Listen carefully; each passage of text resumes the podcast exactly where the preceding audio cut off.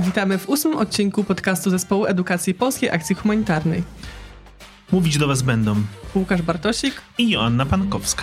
Odcinek nazwaliśmy Subiektywnie o wolonturystyce, ponieważ będziemy dzielić się naszymi doświadczeniami wyjazdu na staże do Gany i Kenii.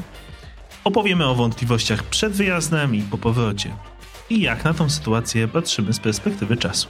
Zaczynamy. Naszym ósmym odcinku chcielibyśmy zaprosić Was do trochę innej formuły. Tym razem nie będzie gościnnych wypowiedzi, nie będzie eksperckich wiadomości. Chcielibyśmy się z Wami trochę podzielić e, własnym doświadczeniem i własną drogą do pewnych e, przemyśleń, do też do tego, czym się teraz zajmujemy i skąd to się wszystko w ogóle u nas wzięło. Taki odcinek biograficzno-sentymentalno-refleksyjny.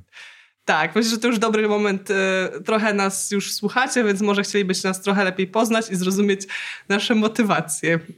Dlaczego w ogóle siedzimy za tymi mikrofonami i jaka droga za tym e, stoi? Jaką drogę przeszliśmy? Tak, jak pewnie po, po, tytule już się zorientowaliście, będziemy mówić o wolonturyzmie e, między innymi, pod różnymi aspektami, który się w naszym życiu też pojawił i powodował, że w ogóle się poznaliśmy, bo tak naprawdę my poznaliśmy się w dość formalny sposób, to znaczy E, Łukasz rekrutował do programu Glen i zostałam zrekrutowana między nim przez Łukasza, więc, więc w ten sposób się poznaliśmy. I to też jest e, częścią naszej opowieści. Jest jeden z moich najbardziej spektakularnych rekrutacyjnych sukcesów i nigdy nie myślałem, że, że on e, tak się zakończy na takiej spektakularnej karierze podcastowej wspólnej. Prawie uwierzyłam. Myślę, że pewnie jak rekrutowałeś, nie byłeś tak bardzo przekonany, bo jak już powiedzieliśmy w którymś odcinku sprawiałam wrażenie wielkiej euroentuzjastki, co nie sprawiało entuzjazmu w tobie.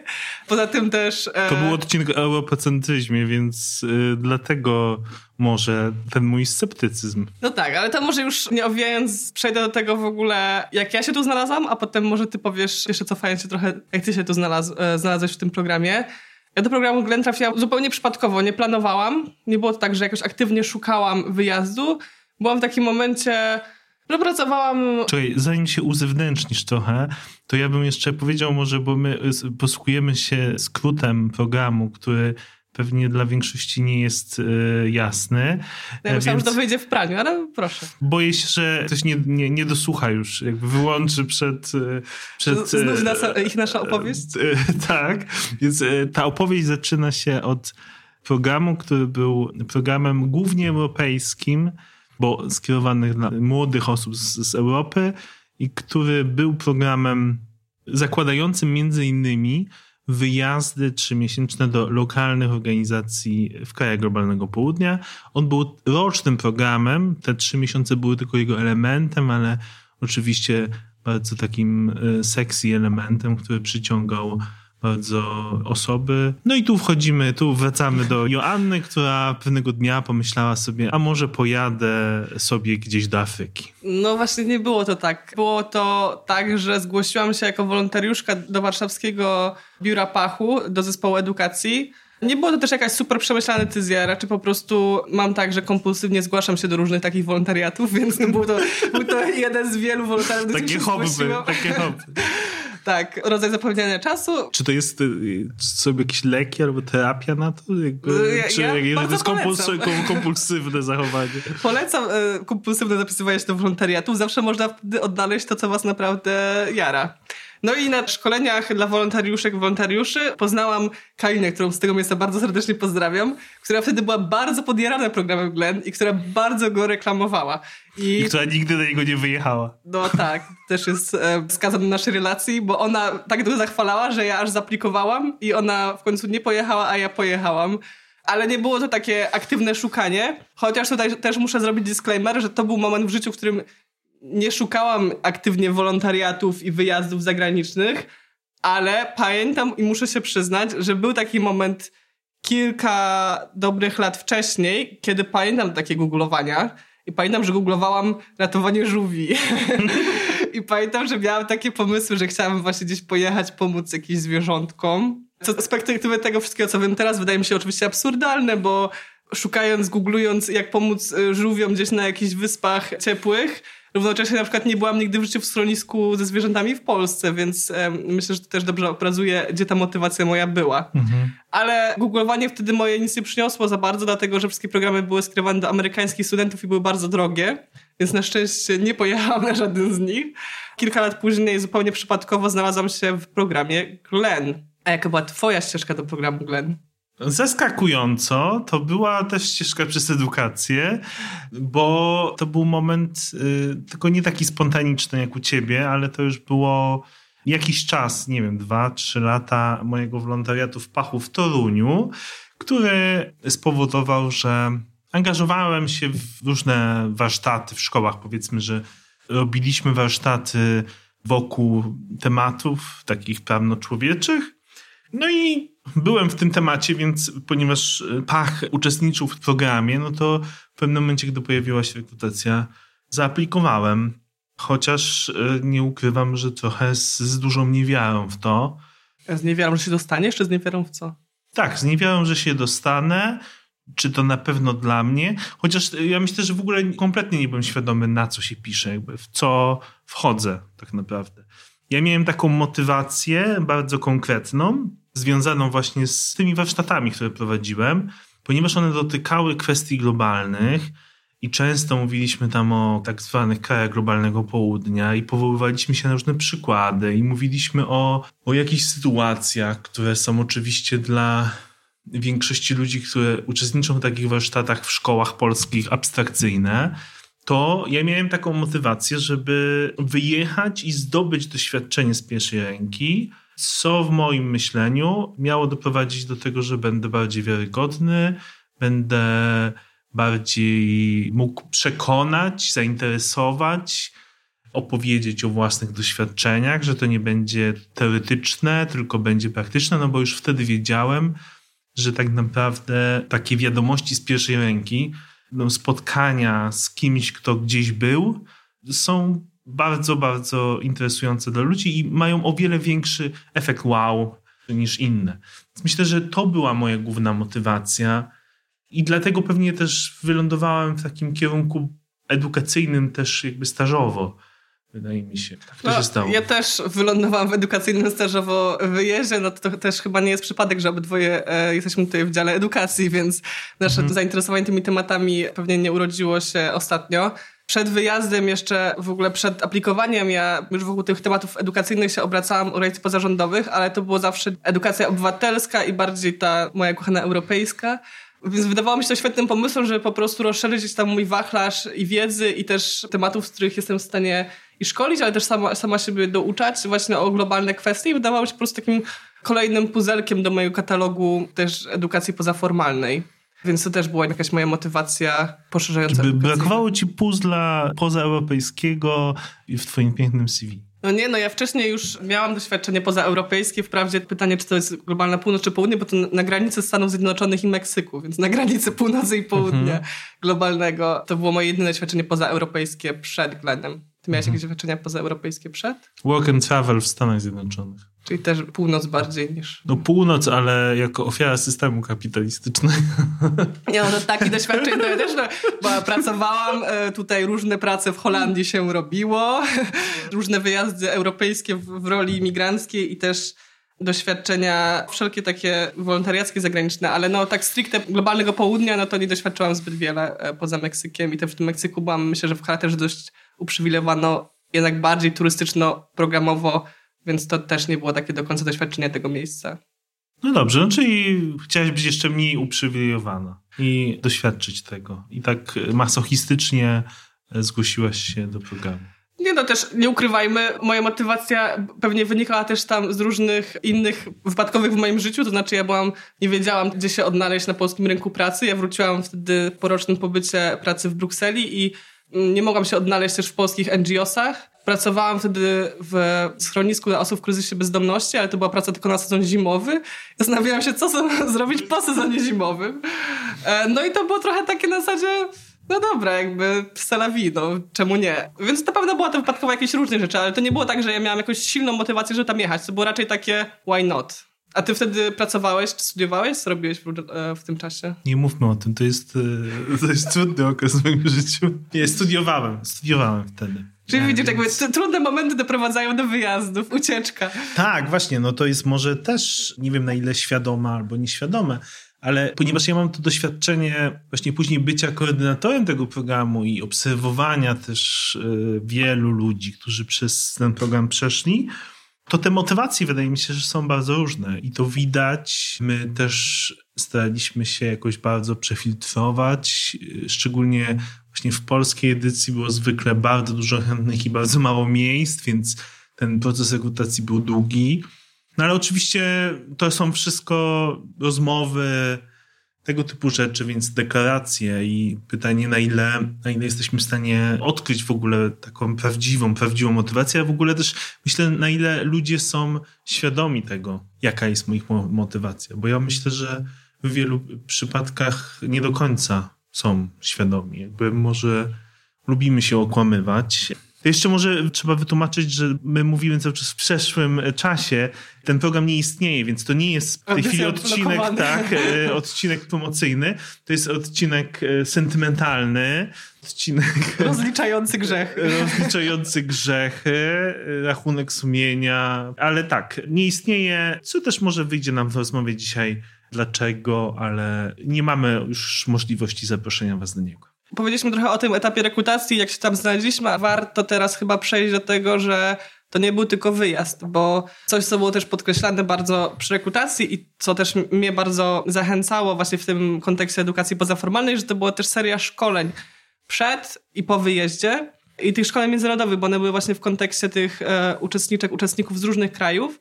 Na sam staż wyjeżdżało się w tandemie, więc zawsze z no zazwyczaj tam z wyjątkami, ale zazwyczaj z drugą osobą.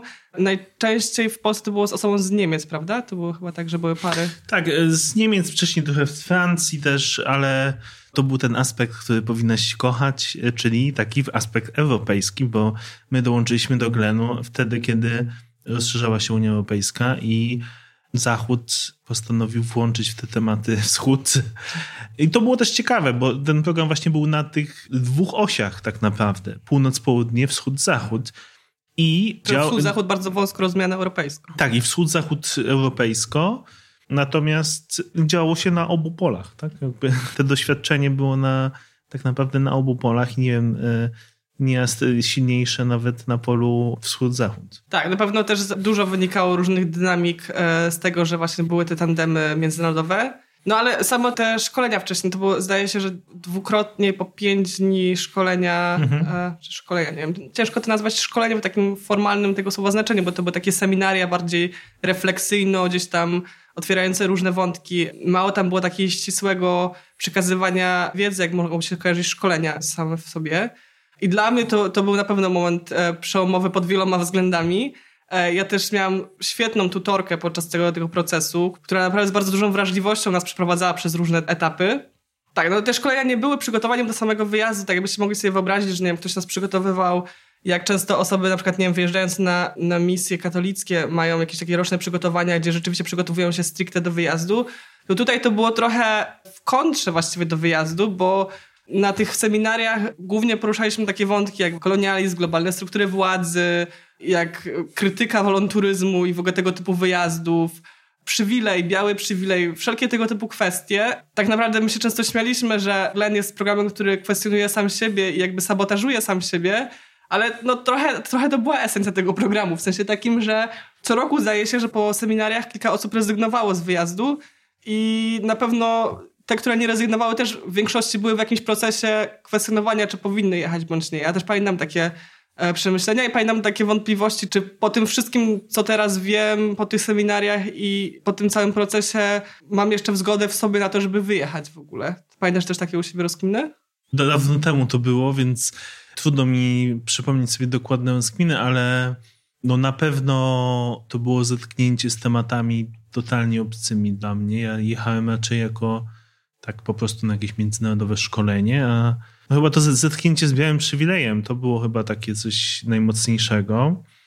Ale widać też było tam tą różnicę, wydaje mi się, w perspektywie. To znaczy, że, że jednak te osoby z, z, naszego kręgu, z środkowej Europy, trochę inaczej podchodziły do rzeczy. Były na innym etapie tych rozmyślań, tak naprawdę. Takie miałem wrażenie. Ale też były po większej selekcji, więc miały inny trochę profil często niż osoby, które były z krajów zachodnich. Dużo było wątpliwości. Znaczy ja, ja nie miałem chyba takich mocnych wątpliwości, że nie jechać. Chociaż może powinienem. Znaczy z taką ciekawością, ale ostrożnością jechałem bardzo. Natomiast tak, były takie później w innych latach sytuacje, w których ludzie rezygnowali, albo przynajmniej mieli bardzo poważne wątpliwości co do tego, czy powinni jechać. No i to jest myślę, że też taki element odpowiedzi na pytanie, dlaczego Glenu nie ma. No bo tak jak powiedziałeś, to się sabotażował sam. To jest dla mnie przykład takiego programu, w którym po prostu ta krytyczna analiza doprowadziła do działań, które spowodowały, że że on przestał istnieć. Wiem z tej perspektywy czasu, jak wiele osób e, on zmienił w patrzeniu na różne rzeczy, ale no, na pewno w tej formule, w której istniał, był coraz bardziej dyskutowalny. No, nie ukrywajmy, zmieniało się też otoczenie. To, w jaki sposób on powstawał, to było jakby w, w momencie, w którym powstawał, myśleliśmy o świecie całkowicie inaczej niż myśleliśmy 10 lat później, czy 15 lat później, więc trudno było, prowadząc dyskusje na tematy właśnie kolonialne, rasistowskie itp., podtrzymywać takie same stanowisko.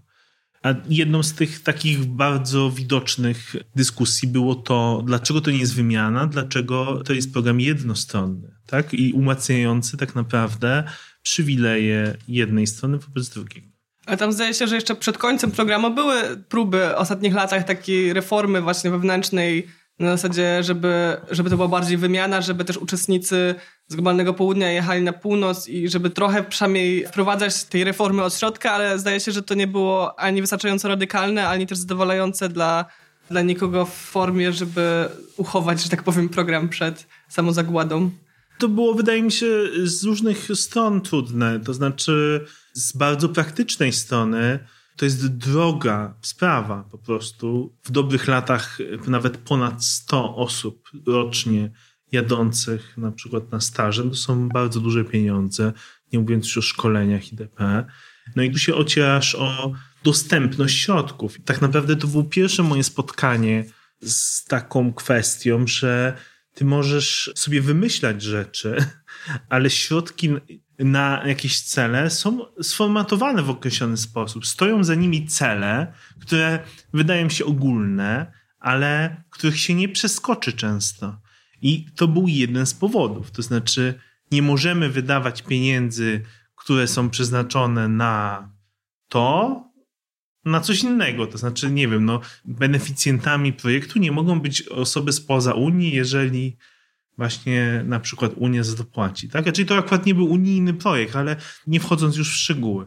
Skoro już poruszyłeś kwestię pieniędzy, to myślę, że to jest dobry moment, żeby w ogóle wprowadzić termin wolonturyzmu i porozmawiać o tym, czym jest wolonturyzm i właśnie jak to ma kwestia pieniędzy w tym samym zjawisku i czym naszym zdaniem różnił się program Glen on wolonturyzmu i w czym był podobny do wolonturyzmu, bo myślę, że to jest coś, co tutaj już trochę jakby wspominamy, ale nie wyjaśniliśmy. No, wolonturyzm to jest przede wszystkim bardzo duży biznes międzynarodowy, który istnieje w bardzo wielu krajach globalnej północy, gdzie najczęściej osoby bardzo młode, bardzo często bardzo młode i bez doświadczenia, e, wyjeżdżają do krajów e, globalnego południa w celu odbycia czegoś pomiędzy wakacjami a wolontariatem. Bardzo często to są takie wyjazdy drogie, gdzie właściwie płaci się za to, żeby w cudzysłowie pomagać do tego stopnia, że nie można wykupić taki pobyt na tydzień, dwa tygodnie, trzy tygodnie, naprawdę takie kurzjalne, krótkie terminy. No i oczywiście bardzo różne profile tej pomocy, bo tam od bycia w sierocińcach, co już jest e, najbardziej skrajną i nieodpowiedzialną formą, po jakieś właśnie te pomagania zwierzątkom, które ja wspomniałem na początku, które też na pewno nie jest odpowiedzialne, ale może mniej skrajnie rażące, przez wszelkie takie, nie wiem, budowanie czegoś, pomaganie w jakichś miejscach, często też medycznie, osób, które nie mają wykształcenia medycznego, no bardzo, bardzo różne formy. I to jest duży biznes. Jest bardzo rozwijająca się też gałąź turystyki, która właśnie udaje nie turystykę. Że to jest usługa po prostu, jakby to mi się bardzo kojarzy, tak jakby, że, że to jest pewien, no tak jak turystyka cała jest zbudowana na, na jakby projektowanie pewnego doświadczenia, no to Jest to projektowanie pewnego doświadczenia wokół pewnych wartości. Można sobie zadać pytanie pewnie tutaj, takie, no, ale dlaczego miałbym tam jechać za darmo? Tak, jakby w tym sensie, że nie płacić, bo wydaje mi się, że często w tych ogłoszeniach to nawet jest podkreślane, że płacisz dlatego, bo płacisz, nie wiem, za nocleg tam, jakby w tym sensie, że, że płacisz tej organizacji, albo że z tego, co płacisz, utrzymuje się ten e, ośrodek, nie wiem, czy, czy, czy coś tak, takiego. Tak, no często to jest też takie właśnie wiązane, że płacisz za swój pobyt, za jedzenie i nocleg, ale też jednocześnie właśnie, nie wiem, za jedzenie na przykład tych dzieci w ośrodku, w którym jesteś. Ale wydaje mi się też ważne, że ta turystyka jest bardzo powiązana z popkulturą, bo wydaje mi się, że w ogóle potrzeba takich wyjazdów rodzi się głównie z takiego właśnie wyobrażenia tego, że to się pojawia i w filmach, i w literaturze, i w popkulturze. Takiego właśnie obrazka tych osób, szczególnie ze Stanów Zjednoczonych, ale nie tylko, z Europy Zachodniej, coraz bardziej popularnie też w Polsce. Wyjazdów właśnie takiego, nie wiem, gapiera, policeum, albo właśnie przerwy między licencjatem a magisterką, albo gdzieś tam po prostu takie przerwy w życiorysie, gdzie jedziemy trochę zrobić coś szalonego i, e, i przygoda, tak? Przygoda, która przy okazji jest też e, czymś dobrym w naszym postrzeganiu. No nie bez powodu chyba, y, nie znam się tak bardzo na rynku tutaj, ale te firmy, które są dostępne z poziomu Polski, to są po prostu firmy zagraniczne, które e, oferują tego typu wyjazdy, więc to jest jakby stricte przeniesienie pewnego pomysłu, e, faktycznie pomysłu no, amerykańskiego w dużej mierze, no ale też pewnie często z zachodniej Europy. W tym odcinku nie będziemy bardzo się posługiwać jakimiś eksperckimi powiedziami i statystykami i tak dalej, ale na pewno kiedyś do tego tematu jeszcze wrócimy od takiej strony, żeby powiedzieć trochę o samym zjawisku tak e, formalnie i bardziej technicznie. No, warto może tylko nadmienić, że na przykład Australia wolonturyzm e, sierocy uznała już za łamanie praw człowieka, zdaje się, tak? Nie wiem. W każdym razie na pewno jednoznacznie e, w Australii jest to potępiane jako w ogóle zjawisko i takich wyjazdów na przykład na uczelniach już się raczej odradza niż zachęca, więc no jest to jakiś proces, gdzie różne dynamiki y, społeczne mają miejsce, ale wróćmy do naszego doświadczenia może i tego, w czym Glenn był podobny, a w czym różny od takiej właśnie klasycznej wolonturystyki. Czy masz poczucie, że był jednak bardziej wolonturystyką, czy jednak bardziej czymś innym? No nie był na pewno w takim klasycznej wersji, no bo nie mieliśmy opłat za uczestnictwo w programie i też w większości te kwestie biletu, ubezpieczenia, pobytu były stypendium takiego były pokryte w programie, co też jest dużym znakiem zapytania. No, na pewno jedna z takich dyskusji, która była, to była dyskusja o tym, czy powinniśmy płacić organizacjom, które nas goszczą.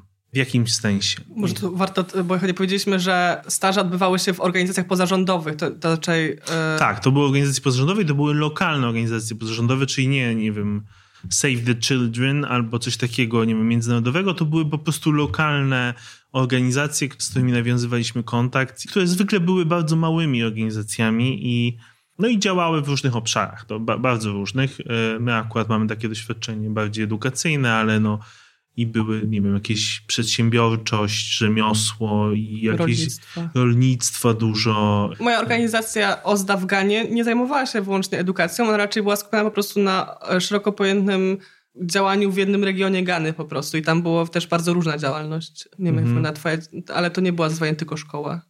U mnie był taki problem, że ja do tej pory nie do końca wiem, czy moja organizacja istniała.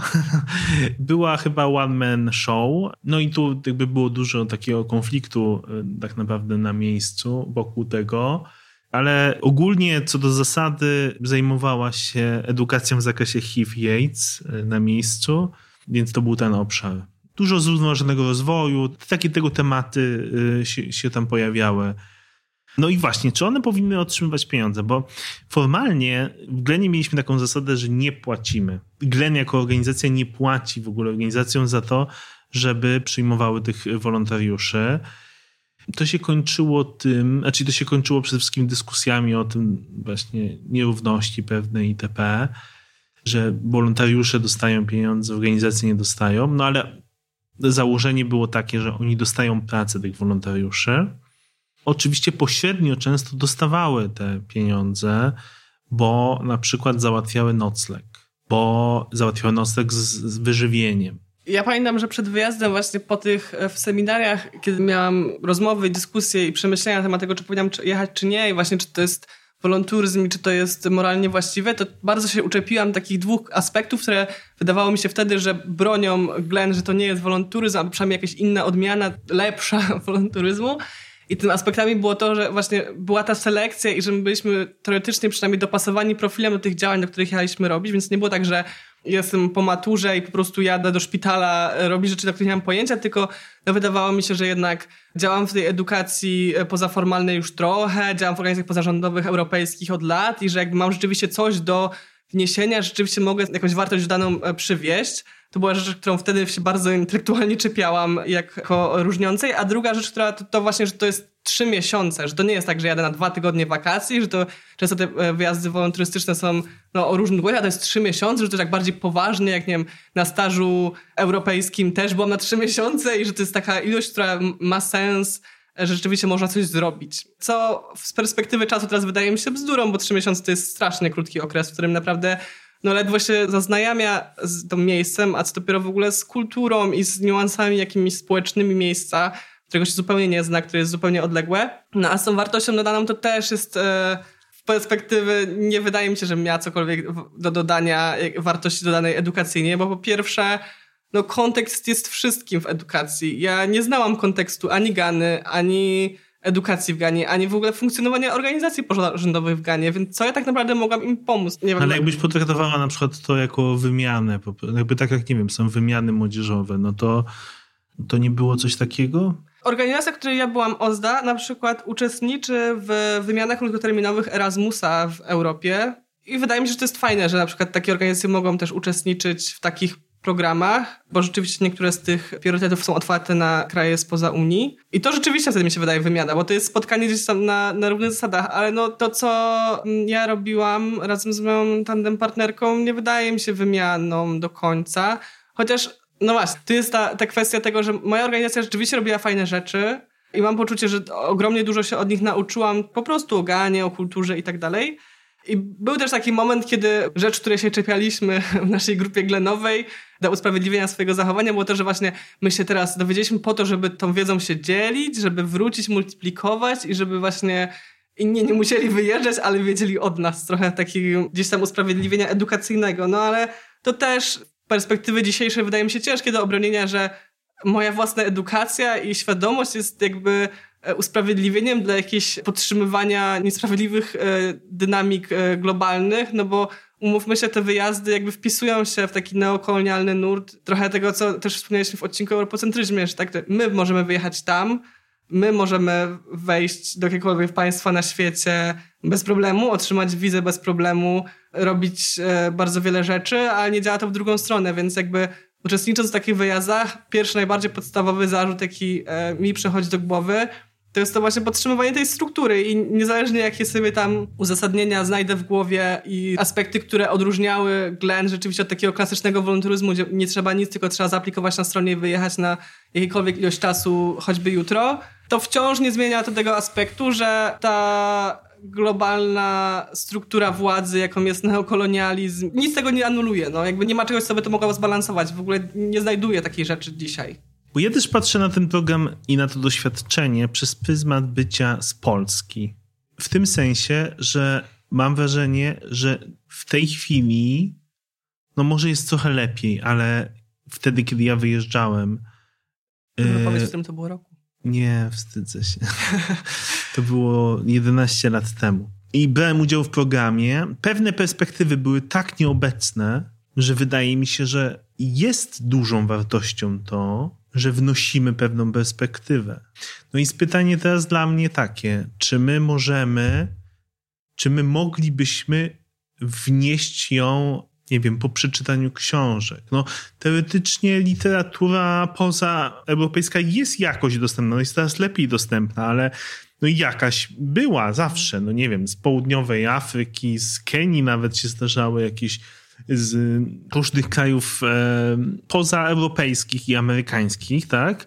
Ale czy jesteś w stanie to zrobić, jeżeli przekonujesz ludzi do czegoś, co jest oparte na wartościach, co ma zmienić ich postawę, jakby nie doświadczając, nie przechodząc przez proces po prostu. Mhm. A tutaj poruszasz ważną kwestię tego, że częścią dekolonizacji siebie, wiedzy i też takiej edukacji w tym zakresie jest taka edukacja transformująca, która właśnie nie opiera się tylko na wiedzy, czyli tych książkach, nie? No, że to jest coś, co Trzeba też przejść pewien proces, który jest procesem cielesnego doświadczenia i emocjonalnego doświadczenia pewnych rzeczy, żeby naprawdę zrozumieć je na innych poziomach niż tylko po prostu intelektualnie, bo to jest co innego intelektualnie wiedzieć, że jest niesprawiedliwość na świecie, intelektualnie wiedzieć na przykład, że, że jest globalny rasizm strukturalny, a co innego rzeczywiście poświęcić na to ileś tam tygodni swojego życia, żeby po pierwsze aktywnie rozmawiać, myśleć i odczuwać, starać się zrozumieć i też starać się współodczuwać, będąc gdzieś. Więc to na pewno jest ważnym aspektem tego, tylko wciąż wydaje mi się, że jednak są inne drogi. No i to, że jesteśmy w Polsce i na przykład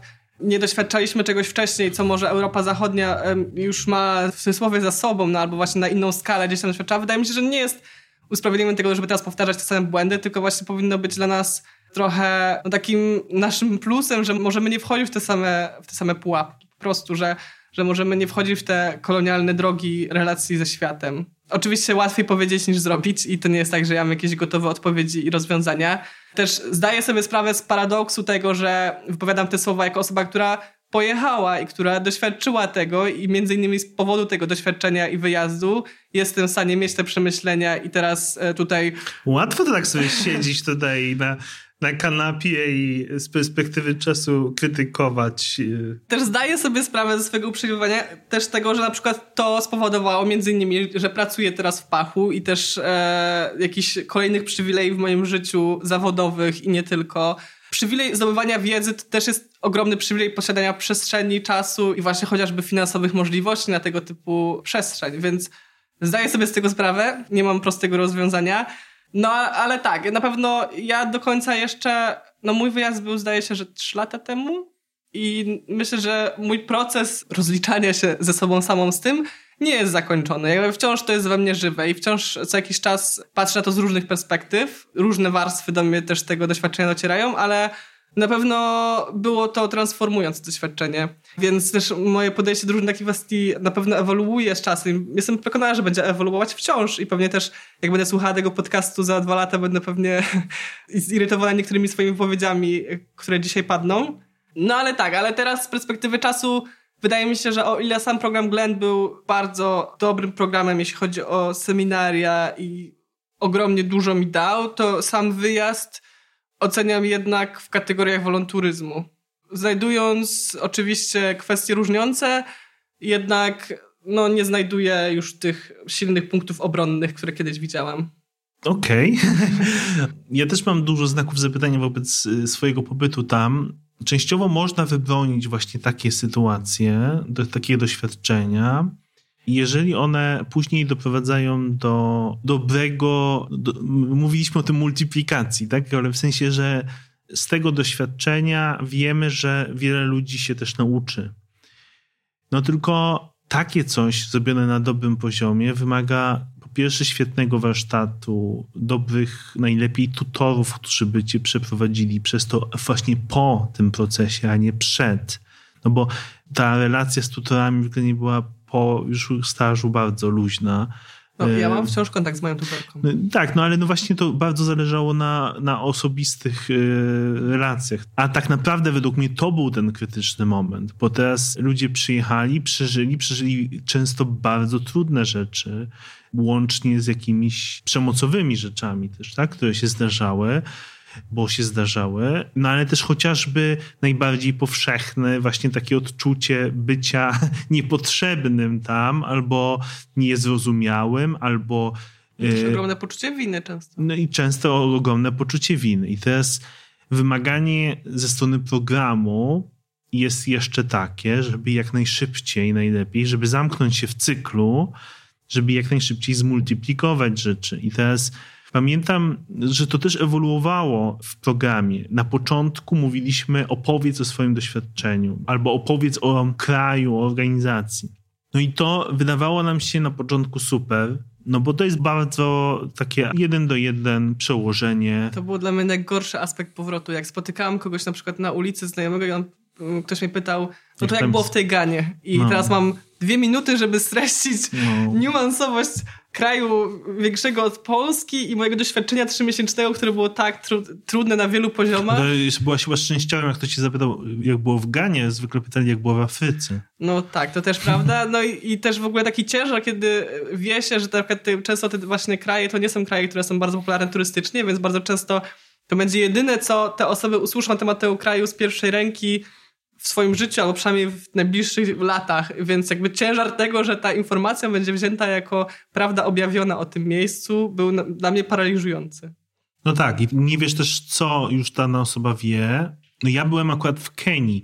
To jest trochę inna jeszcze sytuacja, no bo my mamy jakieś skojarzenia, znaczy takie turystyczne bardzo skojarzenia z Kenią no jakieś wyobrażenie jest pewnie. No, z Ganą może być gorzej. Myślę, że wiele osób w ogóle nie, nie umie jej umiejscowić i nie kojarzy się, ale no, no Kenia się jakoś tam może kojarzyć. Jeszcze to było, no od czasu do czasu coś się dzieje, więc jakiś tam zamach terrorystyczny na przykład, jakby w sensie, że ona się przebija gdzieś do, do, do mediów nawet u nas. Obama, który tam jeździ, w tym sensie, że ma rodzinę z, z, z Kenii. Więc odpowiadasz na pytanie często osoby, która ma jakieś wyobrażenie bardzo mgliste i właśnie jak to zrobić, żeby z jednej strony powiedzieć prawdę, nie uogólniać. Ja miałem różne jakby etapy. Czasem sobie mówiłem, pal licho tam, no powiem, że, że no nie wiem, było tak i tak że było tak sobie, jakby w sensie, że na początku było bardzo źle, później było lepiej itp. Ja sobie myślałem, a zrobię na przekór, to znaczy powiem tylko jakby, że to jest super rewelacja. No ja tak robiłam często, że miałam wrażenie, tak. że sprzedawałam tę ganę jako najlepszy kraj na świecie, po prostu już nie ma lepszego. No właśnie, myślisz sobie wtedy, że przecież to nie jest prawda, no jakby to jest jakaś groteska, tak jakby jak jeżeli mówisz o tym. Ale znowu, jeżeli powiesz o problemach, to to wpisuje się od razu, jakby to automatycznie ląduje w takiej szufladce. No, tak jakby w sensie wystarczy, że po prostu powiesz chociaż odrobinkę, że tam, nie mhm. wiem, biednie jest, to już po prostu lecimy wyobrażeniem o tym, że na pewno jest tam brudno, ludzie głodują, jakby jak można pomóc, jakby o to mi chodzi, że, że to bardzo uruchamia od razu jakieś takie fale skojarzeń. Tak, no bo w ogóle te opowieści nie wpadają przecież w próżnię, to nie jest tak, że te osoby nigdy nie słyszały nic o tych krajach albo o Afryce, tylko to jest, wpada już bardzo konkretną gdzieś tam ramę zbudowaną przez nasz system edukacji, media i wszelkie inne wizerunki. I to też, to trochę dygresja, ale widać to doskonale na tym, jak, nie wiem, jak w kursie mailowym o wodzie mówimy jakby bardzo jasno i wprost o tym, że to nie jest tak, że Afryka jest suchym kontynentem. To też mówiliśmy w podcastach wodnych, że to nie jest tak, że w Afryce nie ma wody. Mówimy to wielokrotnie podkreślając i potem w ewaluacji na końcu, kiedy pytamy ludzi o opinię i wiedzę, sprawdzając, czego się dowiedzieli w kursie, wciąż 70% zaznacza, że w Afryce nie ma, nie, fizycznie nie ma wody, dlatego że to jest tak bardzo zakorzenione nasze wyobrażenie, że nieważne co powiemy, to i tak ciężko podważyć to, co już tam wcześniej było. I tak samo jest z tą opowieścią, jeżeli powiem pięć rzeczy, a jedna z nich wpisze się w stereotyp, to tylko ta jedna, która wpisze się w ten stereotyp, zostanie zapamiętana. I to nie chodzi o to, że że ona będzie koniecznie nieprawdziwa, tylko że będzie niepełna. No i to jest ta odpowiedzialność podtrzymywania niepełnych wizji świata, które są bardzo tendencyjne właśnie chociażby w stosunku do kontynentu afrykańskiego, który jest bardzo, bardzo konkretnie postrzegany. Przeszliśmy to, że niekoniecznie o tej rzeczywistości, bo to nie, nie chodzi tylko o takie rozmowy na ulicy, czy tam ze znajomymi, czy przy rodzinnym e, stole, ale no ale jednak też na przełożenie edukacyjne, jakiś warsztat, powiedzmy, tego typu rzeczy, jak spotkanie. No często szkoły szczególnie, no ogólnie grupy jakieś chcą zaprosić kogoś, kto gdzieś był i opowie, jak tam jest. Ja miałem na przykład taki moment, znalazłem sobie taki sposób na to, bo robiłem tego typu też prezentacje, że robiłem takie prezentacje w stylu ileś tam rzeczy, które myślałem, że będą tak wyglądać, jakby zderzenie moich e, oczekiwań wobec jakby tego kraju, tej rzeczywistości z realnością, tak? Czyli jakby dzieliłem się takim zderzeniem.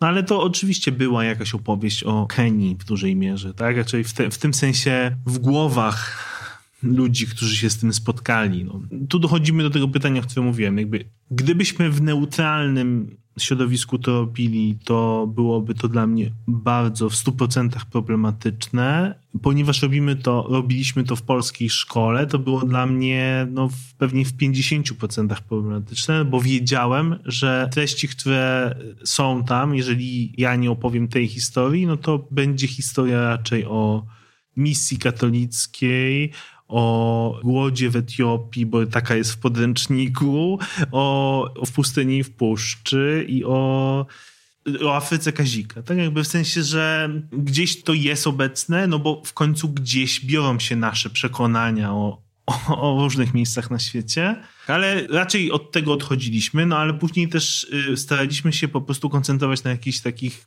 większych wyzwaniach, problemach i po prostu opowiadać o nich, włączając to doświadczenie, ale nie czyniąc tego doświadczenia podstawowej opowieści. No, nie wiem, czy na przykład, nie wiem, mówimy o nierównościach migracyjnych na świecie, ale no właśnie, nie wiem, mówiąc o siłach paszportu, o jakichś takich wiem, doświadczeniach w przekraczaniu granic itp., ale nie stricte o tym, że jak to ja pojechałem do Kenii i jak tam było. No ale tu oczywiście wtedy dochodzimy do takiego argumentu, który ty wniosłaś, że wtedy według mnie podważamy samych siebie. To znaczy, że jak ktoś jest wyczulony na krytyczną perspektywę, no to prędzej czy później padnie pytanie, no to bez sensu, że tam pojechałaś. Tak jakby, czy pojechałaś, no bo jednocześnie pojechałeś tam po to, żeby powiedzieć, żeby tam nie jeździć, tak? Albo, że coś takiego jest elementem systemu niesprawiedliwości na świecie.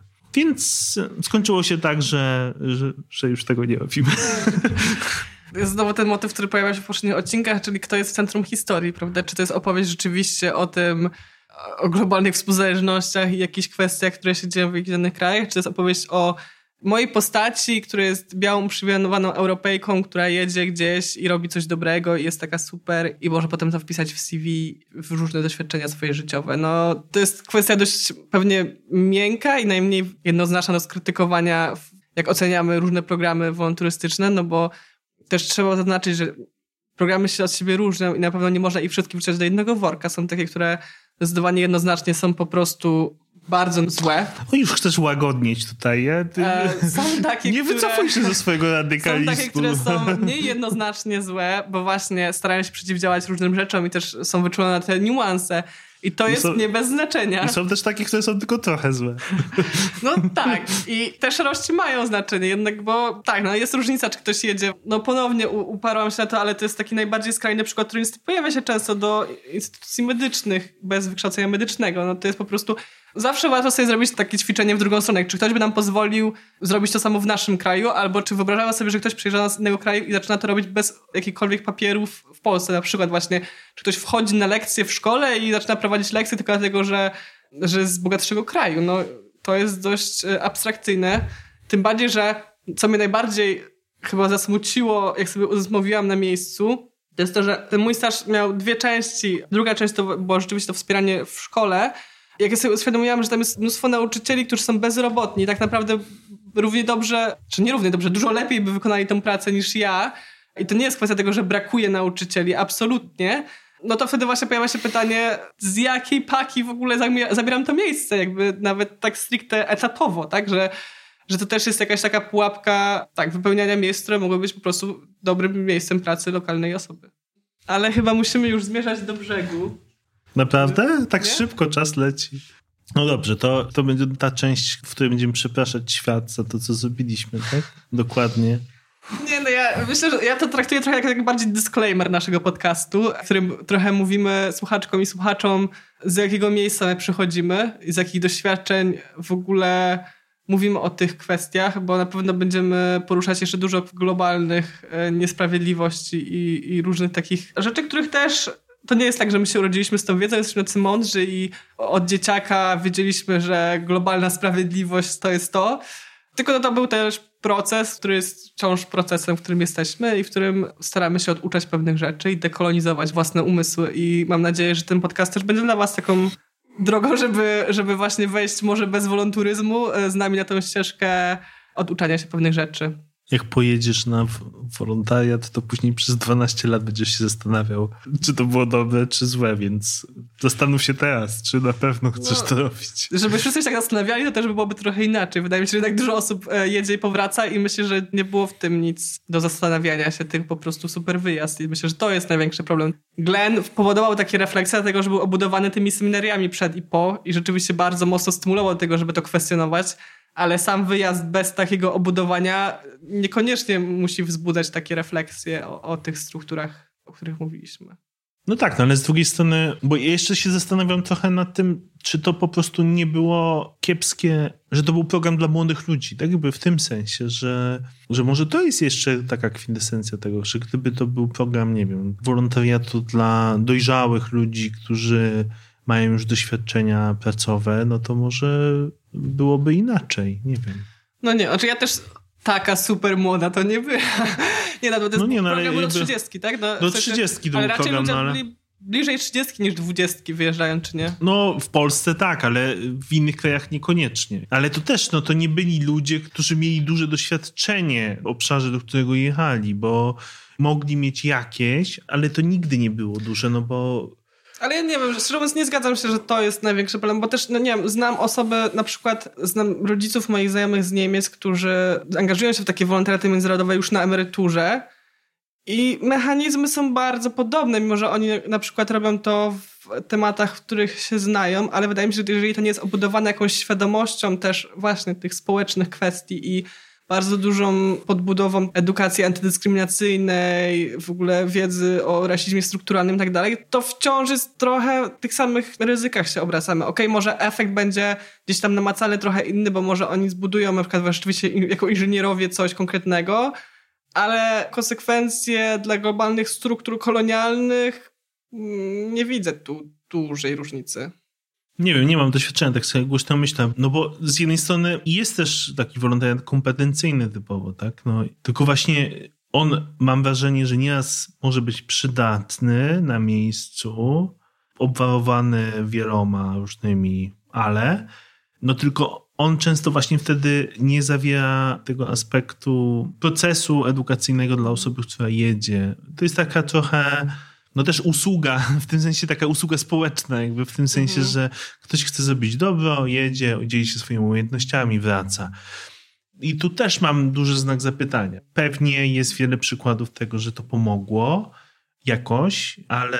No tylko właśnie też trzeba chyba rozróżnić tą długość wyjazdu, no są takie oczywiście organizacje jak, nie wiem, Lekarze Bez Granic, e, ale tego nie można chyba nazwać wolontariatem. W Lekarzach Bez Granic pracują, no, jakby no właśnie, to nie, jest, to, to nie jest wolontariat, znaczy w tym zakresie to jest pewnie w cudzysłowie wolontariat, że te osoby obniżają znacznie standardy swoich i zarobków i jakby no one na pewno, to nie jest tak, że za darmo, ale, ale gdzieś tam jednak zmieniają swój standard życia.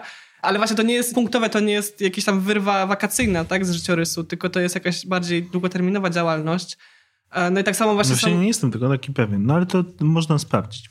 E, no i też druga, drugi przykład, który tak samo to są właśnie ci inżynierowie bez granic, e, czyli rzeczywiście wysoko wyspecjalizowane organizacje, ale tam to też e, wydaje mi się, że różni się bardzo tym długością zaangażowania i dla mnie to jest kluczowe dla oceny. Chociaż nie wiem, czy jak się jest gdzieś długo, to koniecznie trzeba mieć refleksję. Chyba też nie. To no nie jest takie oczywiste. Ale to wszystko, co powiedzieliśmy, jest też e, powodem, dla którego nie wyjedziecie z pachem na, na wolontariat ani na staż. My czasem otrzymujemy takie telefony bądź zapytania mailowe. Nie ma takich możliwości. Jakby pomoc humanitarna i rozwojowa nie opiera się na, na pracy wolontariackiej ani takich zrywów, że chcę wyjechać, zrobić coś dobrego. To jest praca przede wszystkim wyspecjalizowana i też większość, zdecydowana większość osób, które pracują w Pachu, to są osoby lokalne na miejscach, w krajach, w których e, ta działalność jest realizowana. Oczywiście my zatrudniamy też osoby w Polsce, w, w, polskich biurach, ale to jest gdzieś tam koordynacja tego tutaj.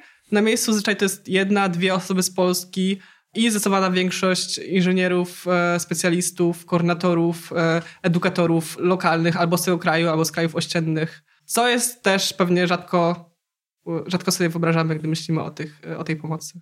Zachęcamy oczywiście do ścieżki kariery w kierunku pomocy humanitarnej to jest praca w środowisku międzynarodowym, ale na pewno raczej, na pewno raczej, na pewno nie, e, nie myślimy o tym w kategoriach takiego wolontariatu. To jest, jak widzicie, coś, co stymuluje przez długi czas do refleksji, może zmienić ścieżkę życiową.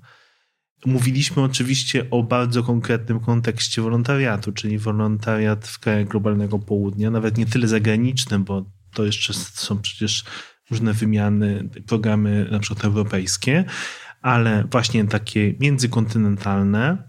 Powinien on wzbudzić wiele pytań e, was, zanim e, zdecydujecie się na, na, na, niego, ale chciałem tylko, bo dążę do tego, żeby powiedzieć, no mimo wszystko przypomnę nam, że zaczęliśmy tę rozmowę od tego, że nasza, cała ta droga rozpoczęła się od wolontariatu, który był lokalny, z chęcią zrobienia czegoś lokalnie, zaangażowania się i do tego jak najbardziej yy, tak, to nie jest tak, zachęcamy. Może nie do kompulsywnego, tak jak była Joanna tutaj, ale warto próbować. Jakby też myślę, że warto próbować i sprawdzić, co jest dla was, tak? I zapewniam, że te opcje wolontariatu są znacznie szersze niż w naszych wyobrażeniach często, bo my, my mamy jakiś taki też stereotyp wolontariuszy, który, nie wiem, siedzi przy łóżku starszej osoby w hospicjum albo pomaga w schronisku, a tych opcji wydaje mi się, że jest y, o wiele, wiele więcej tylko warto się nimi zainteresować. A teraz y, już trzy razy przerwałem Asi, to teraz... Y, Nie, bardzo głos. dobrze, że to poruszyłeś, bo też wydaje mi się, że to jest dobry taki papierek lakmusowy, że sprawdzić właśnie tą motywację do, do wolonturyzmu i zobaczyć, czy